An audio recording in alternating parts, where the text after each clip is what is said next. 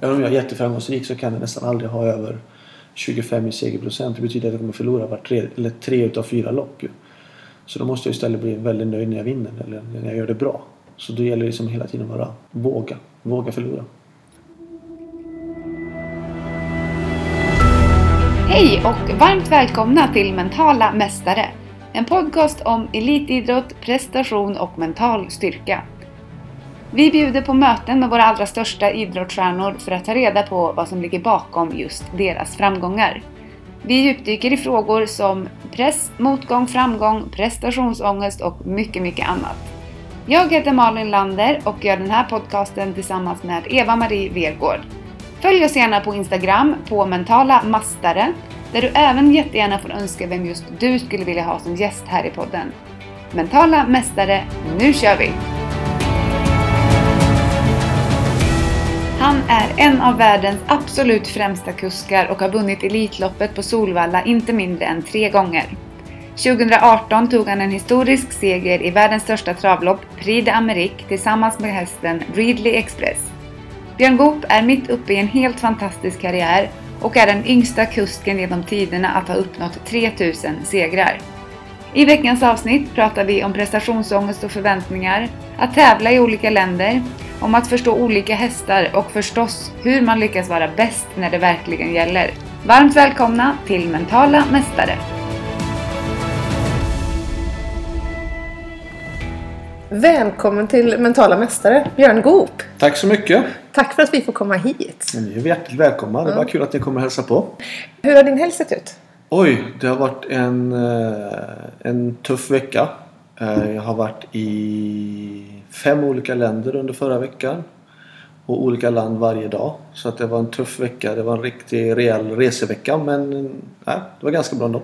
Är det en normal vecka att det var så? Nej, det var, det. det var en extrem vecka. Men normalt sett så är jag ändå nog kanske i två, tre olika länder varje vecka. Eller åtminstone två i alla fall brukar det vara. Imponerande, du gillar att resa. Nej, inte alltid. Men man vänjer sig på något sätt ändå. Liksom. Det blir ett sätt utav levernet på något sätt ändå. Det tycker jag. Den första frågan som vi skulle vilja ställa dig det är vad är ditt första minne av att prestera? Ja, men det är nog från skolan tror jag. Typ skolidrott eller skolgympan skulle jag tänka mig att det är i sådana fall. Typ att man vill hoppa höjdhopp kanske eller någon sån där grej. Typ, typ exempel som man gjorde i skolan liksom. Att man vill vara med och bland de bästa hoppa sådär. Längdhopp. Vem var du när du var liten i prestationsögonblicken? Ja, men jag är nog ganska så, eh, har varit ganska så ödmjuk tror jag. Jag är inte sån som har ett behov utav att visa mig själv bäst när det kommer till andra sporter. Ehm, det är väl det som är lite konstigt. Typ när jag kommer inom, inom travet så har jag ju liksom den där kicken i mig att jag vill vinna liksom. Ehm, men när det kommer till andra saker utanför så är jag väldigt eh, sån som inte sätter mig själv så mycket i första hand. Liksom, eller inte har behov av att vara i första hand. Liksom. Egot finns inte på samma sätt när jag kommer utanför, utanför min så här glas eller vad man säger, boll, bubbla liksom. Kommer du utanför den så är det liksom inte alls samma tävlande fokus på utsidan. Varför tror du att det är så? Ja, men det tror jag att jag har fått från min pappa. Han är ganska mycket likadan faktiskt. Han sätter sig aldrig själv i första hand liksom när det är någonting sådär. Han låter alla andra få gå före liksom av vänlighet. Och jag har nog ärvt det ganska mycket av honom. Men däremot han har samma sak. När han kommer liksom i sina tävlingskläder för att köra lopp så eh, då är det vinna som gäller. För för det tycker jag är ganska fascinerande när vi pratar om tävling och vi pratar om mental träning och så vidare. Just den här att det som gäller, det som handlar inom travet, det är ju att vinna. Men när du sätter upp målsättningar, är, är det att komma först eller är det att föra hästen på hästens bästa sätt? Eller hur ser egentligen målsättningen ut? För alla har ju målet att vinna. Ja men det, min sport är lite kanske annorlunda på det sättet ibland. För att i början när jag började tävla då var det liksom bara vinna som gällde. Men då hade man kanske ett större behov av kanske att hävda sig eller liksom få ett bekräftelse eller vad man ska säga visa att man kan. Uh, numera tror jag att jag mer fokuserar på att försöka få hästen till att prestera så bra. Eller jag tänker kanske lite mer realistiskt. Och då liksom ser jag väl typ att hästen eh, presterade bättre än vad den skulle kanske ha gjort på förhand. Liksom. Den kanske sprang fortare eller den, den liksom gjorde ett bra lopp. Och då kan även liksom det kännas som en framgång utan att den vann. Och det är lite grann det som är kicken med min sport också för att um, för mig är inte alltid det typ att jag vinner för min skull. Utan jag får en ganska så stor kick utav att prestera bra för andras skull. Jag menar jag kör hästarna och det är inte jag som äger hästarna. Utan det är andra som äger dem. Och det är andra tjejer och killar som sköter om dem. Och ibland är det också andra som tränar dem liksom. Så att eh, och se deras glädje efteråt liksom. Det kan vara alltså från en häst som kanske inte har fungerat alls. Den kanske bara har galopperat och blir inte liksom fått godkända lopp och så här liksom. Så anlitar de mig då och försöker hjälpa. Och så kanske man då hittar en lösning på det hela och de liksom, det kan bli, de kanske bara femma, sexa liksom. Eller ja, den kanske inte galopperar. De är liksom överlyckliga. Jag har liksom varit fyra, femma liksom i lopp och mött en hästskötare som, som gråter av glädje liksom. För att det fungerade. Det gick så mycket bättre. Man trodde inte man skulle kunna vinna eller liksom vara bra placerad. Det är en jättekick för mig. Det, är liksom, det ger en stor liksom, energiboost.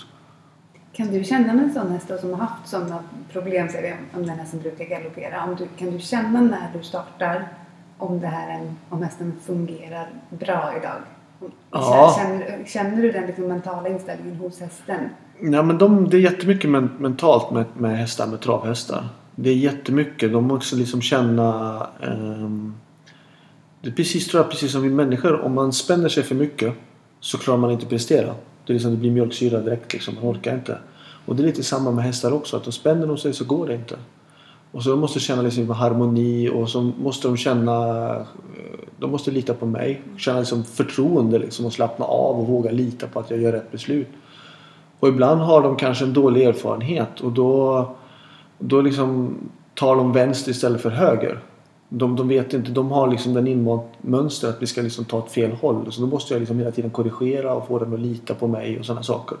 Och sånt bygger man upp bara några minuter före loppet och under loppet. Liksom. Bara liksom, det, handlar mycket om, det handlar mycket om för hästarnas skull att jag är i harmoni också. Har jag en dålig dag till exempel, då det smittas av sig. De är jättekänsliga. Liksom. Självklart är en häst som är extrembra, den kanske vinner ändå men den presterar kanske inte riktigt lika bra. För jag tycker det där är jättespännande eftersom jag kommer från hundsporten mm. och jag upplever att du kan verkligen smitta hunden med din sinnesstämning. Så mm. det gäller ju verkligen att ha rätt sinnesstämning. Eh, det jag upplever är att ibland kan jag ha en hund där jag verkligen kan gå in med en krigarinställning och hunden tycker om det och vi kan liksom tillsammans kriga oss igenom ett lopp. Medan en annan hund precis som du säger, att jag behöver en lugn och en harmoni för att kunna lyfta fram det bästa ur den hunden. Men hur, hur känner du där? Har, du, har du alltid samma mindset eller kan du förändra mindset beroende på häst? Nej, men det, det, det är exakt samma faktiskt. Ehm, på samma sätt det här med att man måste ibland vara liksom offensiv och ibland måste man vara lugn och samlad liksom. Och jag har väl nog förmågan att, att anpassa mig efter hästen. Eller jag försöker jobba med hästen hela tiden så att han liksom kommer till ett, liksom ett, ett lugn eller dit han ska. Vad han behöver. Um, så att jag får hela tiden anpassa mig utifrån hur hästen känns. Så att jag får byta mellan olika hästar hela tiden. Och hur gör du då konkret? För jag, tänk, jag, jag ser det som en volymknapp. Mm. Att jag ibland behöver höja och ibland behöver sänka. Eh, och det som jag upplever är svårast i det läget och framförallt att förmedla till andra. Så därför tänker jag att du har kanske konkreta tips. Hur gör man för att höja och sänka sin offensiva defensiva knapp? Ja, men det har ju lite grann med hur man själv är i sinnesstämning också. Det är ju svårt. Vissa dagar kan jag tycka att man har, en, har lätt för det. Och vissa dagar får jag kanske anstränga mig mera för det liksom, för att hitta rätta, rätta känslan. Liksom. Svårt, jag har ingen riktigt sånt där knep faktiskt. Mm. Hur gör jag för att vara si eller så? jag försöker liksom Ja men det är den häst som är kanske är eh, omotiverad och rastlös. Jag försöker liksom peppa upp honom. Eh, uh, göra på olika sätt och vis liksom beroende på vad den... Också beroende väldigt mycket på hur rutinerad den är och inte är. Um, är den nervös? Ja, då försöker jag lugna ner den. Ibland kan det vara att promenera. Ibland kan det vara faktiskt att, att den får springa av sig. Så att den liksom bara får springa av sig den värsta energin liksom, så att den lugnar ner sig. Men det tror jag att man får väldigt mycket genom att göra det ofta. Liksom, få rutinen och sådär. Jag tror att det finns inget inget generellt knep som funkar på alla hästar att gör si eller gör så om, de, om det är ett eller annat sätt. Utan där får man försöka träna sig fram. Men man, man måste ju lära känna hästen hur den är. Och det är samma sak där. Att det är mycket träning. Mycket lyhördhet. Och en ganska så stor del medfödd känsla. Var det alltid självklart för dig att du ville på med hästarna? Nej, jag var inte intresserad alls från början. Um, jag tyckte hästarna var tråkiga mer eller mindre för jag var ju intresserad av andra sporter. Typ tennis, fotboll, golf. Medan pappa alltid var iväg och tävlade liksom. Hade aldrig tid för att han, han liksom, hade gett upp i sin karriär liksom. Och um, uh, jag var väl inte så intresserad. Jag var inte intresserad överhuvudtaget egentligen. Och när, när vände det? Um, det vände nog när jag var 13 tror jag. Eh, 13-14. Eh, vilket egentligen är ganska så sent ju. Om man ser till nu då. De är redan bara 16 nu eller 15 när de börjar köra lopp liksom. Men jag var 13 och fick en ponny Jag hade ett jättedålig tålamod. Jag hade extremt dåligt tålamod när jag var liten. Eh, jag tävlade i alla andra grenar liksom på något sätt. Liksom, jag hade en aggression alltid om jag inte kunde prestera bra. Um, så fick jag en ponny. Och jobbar med ponny. Och en ponny är en jättebra skola att börja med. För de är tjurigast utav alla djursorter jag vet. Eh, djurarter jag vet. Ehm, så att jag fick, eh, jag trodde att jag via, via liksom ilska kunde få honom att ja, liksom bli det jag ville. Men det gick inte alls. Det var bara sämre. Han var bara tjurigare och ville inte alls. Så jag var då kanske första gången jag började inse att jag måste kanske ändra mig. Jag måste liksom, om jag ska lyckas så måste jag lura honom på något sätt. Liksom. Det går inte med med liksom bara full fart framåt och tro att du kan tvinga honom framåt. Jag fick försöka lura honom hela tiden och det var, det var en jättestor prövning men på något sätt så såg jag det som en, liksom en utmaning.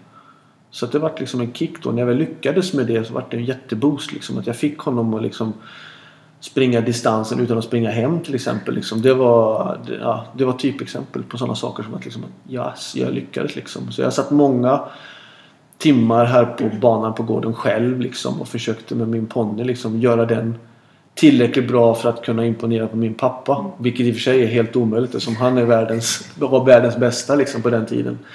Så skulle jag, men på mig var det ju liksom ett sätt att bekräfta för min pappa liksom att jag kanske kunde det här också. Så någonstans där så föddes ändå travintresset? Ja precis. På något sätt så fick jag en kick av att jag lyckades liksom.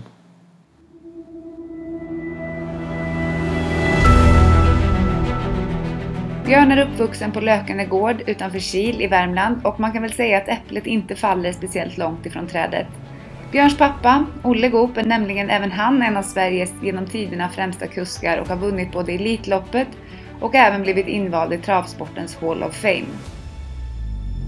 Jag tänker, du har ju verkligen vuxit upp med en av världens bästa tränare och kuskar. Mm. Och man brukar ju alltid prata om att man ska träna ihop med den som är bäst för att man själv ska kunna utvecklas. Hur, hur tycker du att det har varit att växa upp tillsammans med någon som är så bra?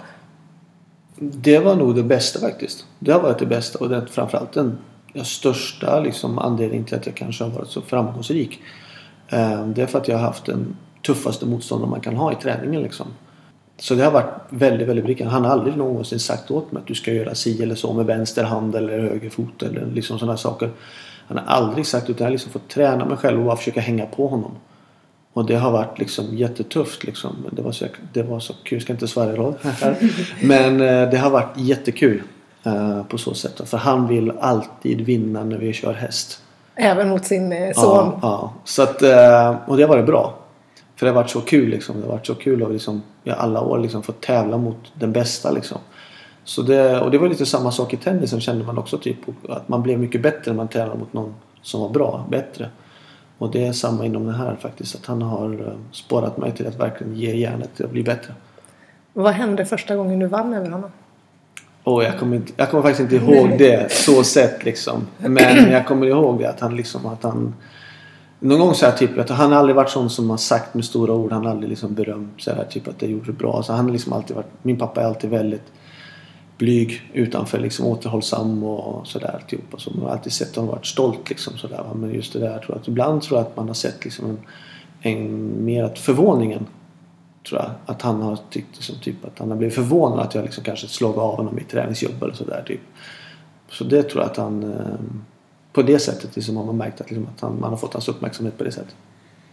Har du någon gång känt, när du pratar om att du vill imponera på din pappa. Mm. Har du någon gång sen när du själv är så framgångsrik känt press att du inte vill göra någon besviken?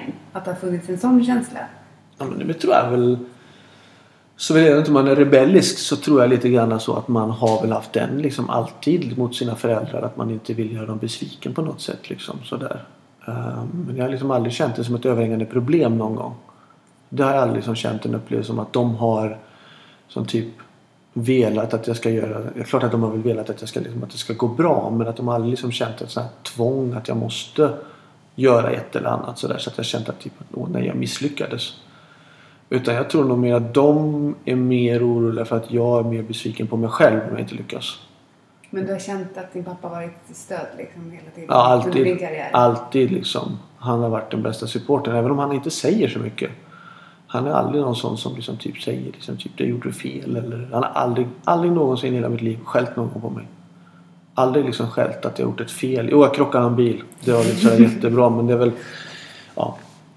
Han krockade också några veckor senare så jag sa att det gick, det gick igen så jag karma så här på den tiden. Så det var lite kul. Men annars är det aldrig Nej, jag har aldrig haft det liksom som ett problem någon gång. Du är ju verkligen personifierad mental styrka. För jag menar, du levererar år efter år efter år. Var kommer den här mentala styrkan ifrån? Oj. Men ibland är man inte alltid så stark. Det tror jag inte. Men just när jag är på banan så är jag väldigt fokuserad. Så ibland så tappar man ju lite självförtroendet. Man liksom, det gör nog tror jag alla. Även den bästa kan tappa självförtroendet. Men det gäller att gå tillbaka. Liksom, gå tillbaka till basic. Liksom vad man är säker på att man har rätt i. Och så börja om och så vara lugn och liksom försöka reda ut vad som är fel. Det är väl det jobbigaste kanske inom den här branschen jag har. Liksom, det är den att du jobbar med djur och så ska du då försöka finna ut vad som är fel för att liksom få den tillbaka på rätt köl och så har man då väldigt många hästar och så tycker man att alla underpresterar under en period och då får man liksom eh, blir man lite gråhårigare.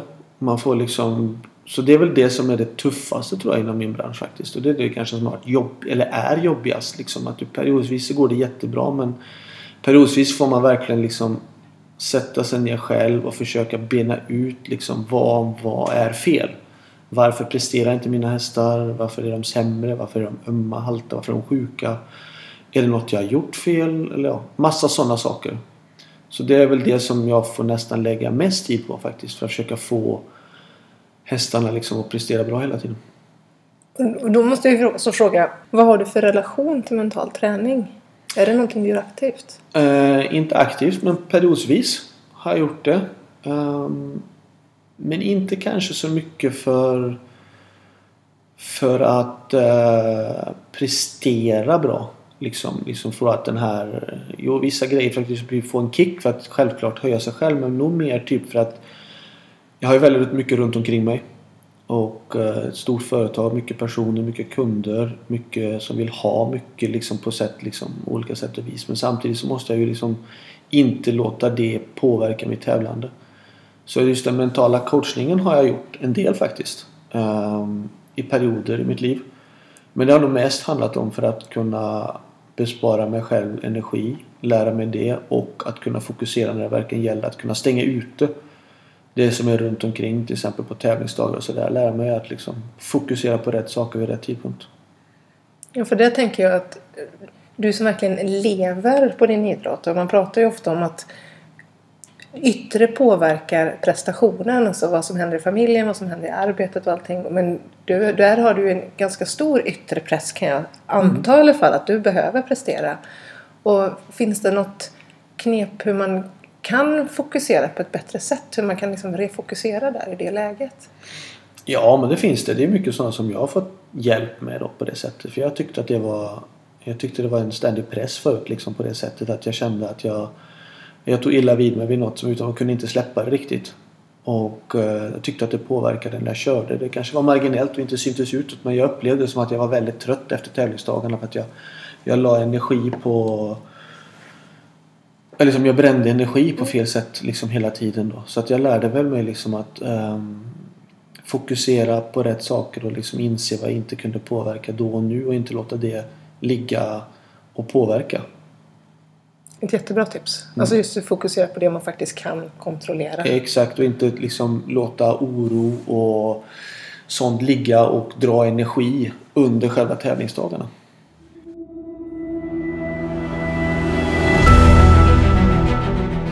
Du lyssnar på Mentala Mästare. Kom ihåg att prenumerera på podden för att inte missa nästa program. Och följ oss gärna på Instagram. Mentala Mästare.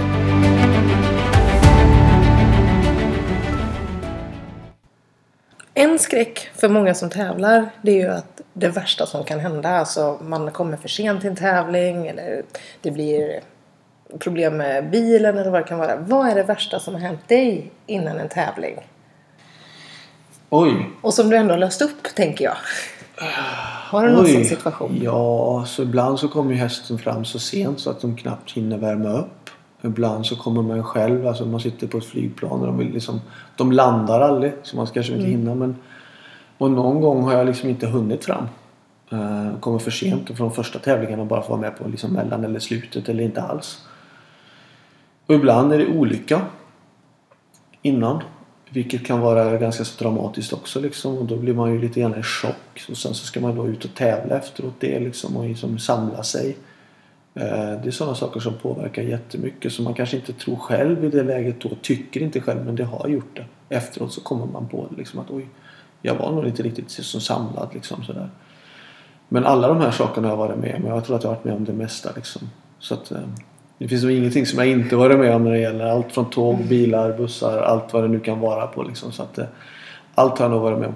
Känner du att du kan hantera sådana saker bättre och bättre? Och vad skulle du vilja ge till någon ett tips när det gäller att kunna hantera sådana situationer?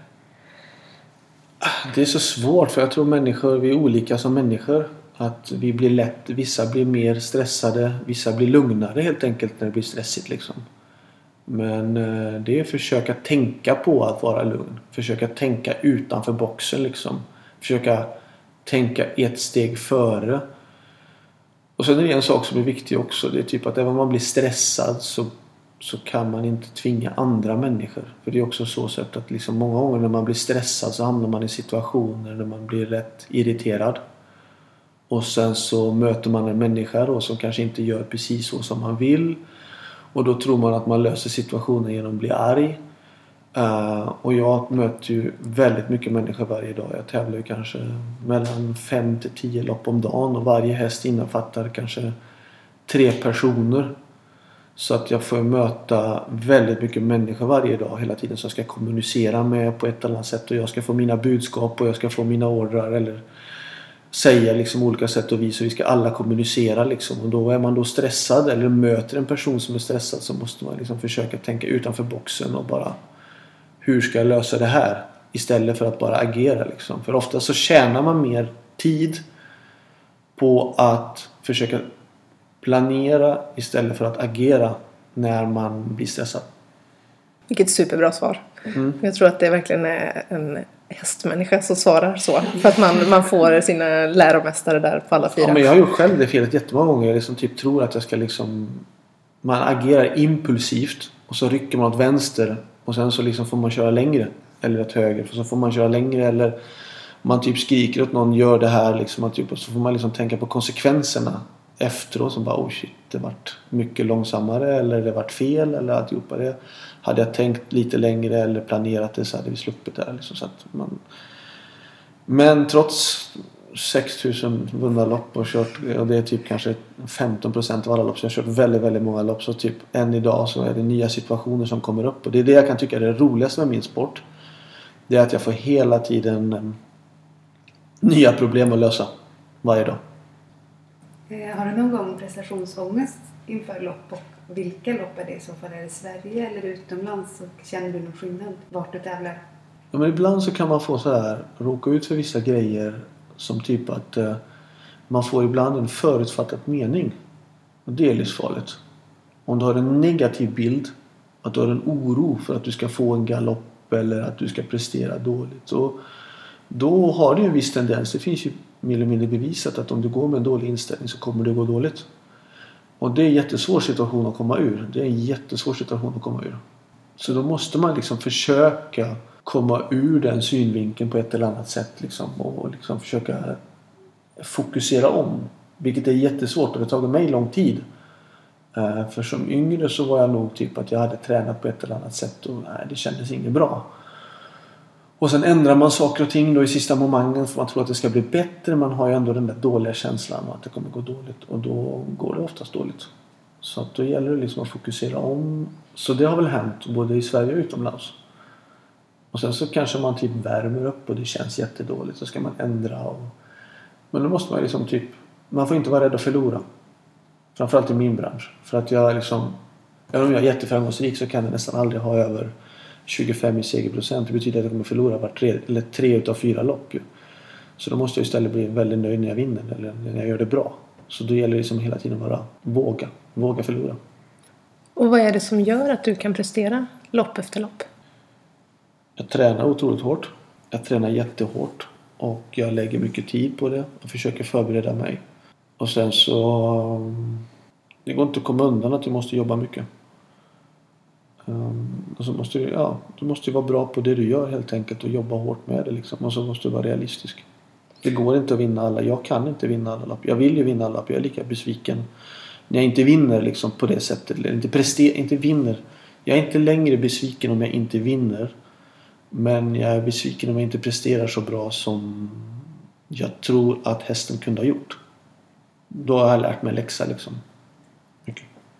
Finns det någon häst förutom din första bonnie som du vill lyfta liksom, som har lärt dig extra mycket just mentalt? Om du har fått tänka om på något visst sätt eller? Mm, det, finns, ja, det finns många. Mm. Ibland är det de mest dåliga hästarna. Det är ofta de som har lärt dig mest. Mm. Eh, men men jag ska ta några av de kändare hästarna som har lärt mig mest. Som har varit liksom bra läromästare och eh, jag kan känna på mig att jag har gjort ett gott arbete och varit lyckosamma så är det typ Conny Nobel. Han var ju jättebra. Han var ju Sveriges bästa häst i, i ett par år. Han var ju typ bästa treåringen, bästa fyraåringen och vann Elitloppet. Han var en häst som var um, väldigt speciell psykiskt. Han var otroligt liksom uh, han var väldigt aggressivt laddad liksom och sådär och ville Han presterade alltid bra men man fick jobba med honom på utsidan liksom. Det gällde att få honom på rätt kör liksom. Så han var fokuserad på vad han skulle göra. Och sen fanns det en häst som var fransk som hette Quarcho Duchenne. Som var jättebra. Som vann väldigt många stora lopp men som hade extrema nerver på utsidan. Och han eh, blev väldigt, väldigt liksom laddad. Och, Eh, han var ehm, ett svårt, ett svårt barn i skolan kan man säga. Ett jättesvårt skolbarn var han. Men han tjänade massa miljoner och gick jättebra. Men det var en ständig fight med att försöka få honom bra fokuserad liksom, mm. i loppen, i starten.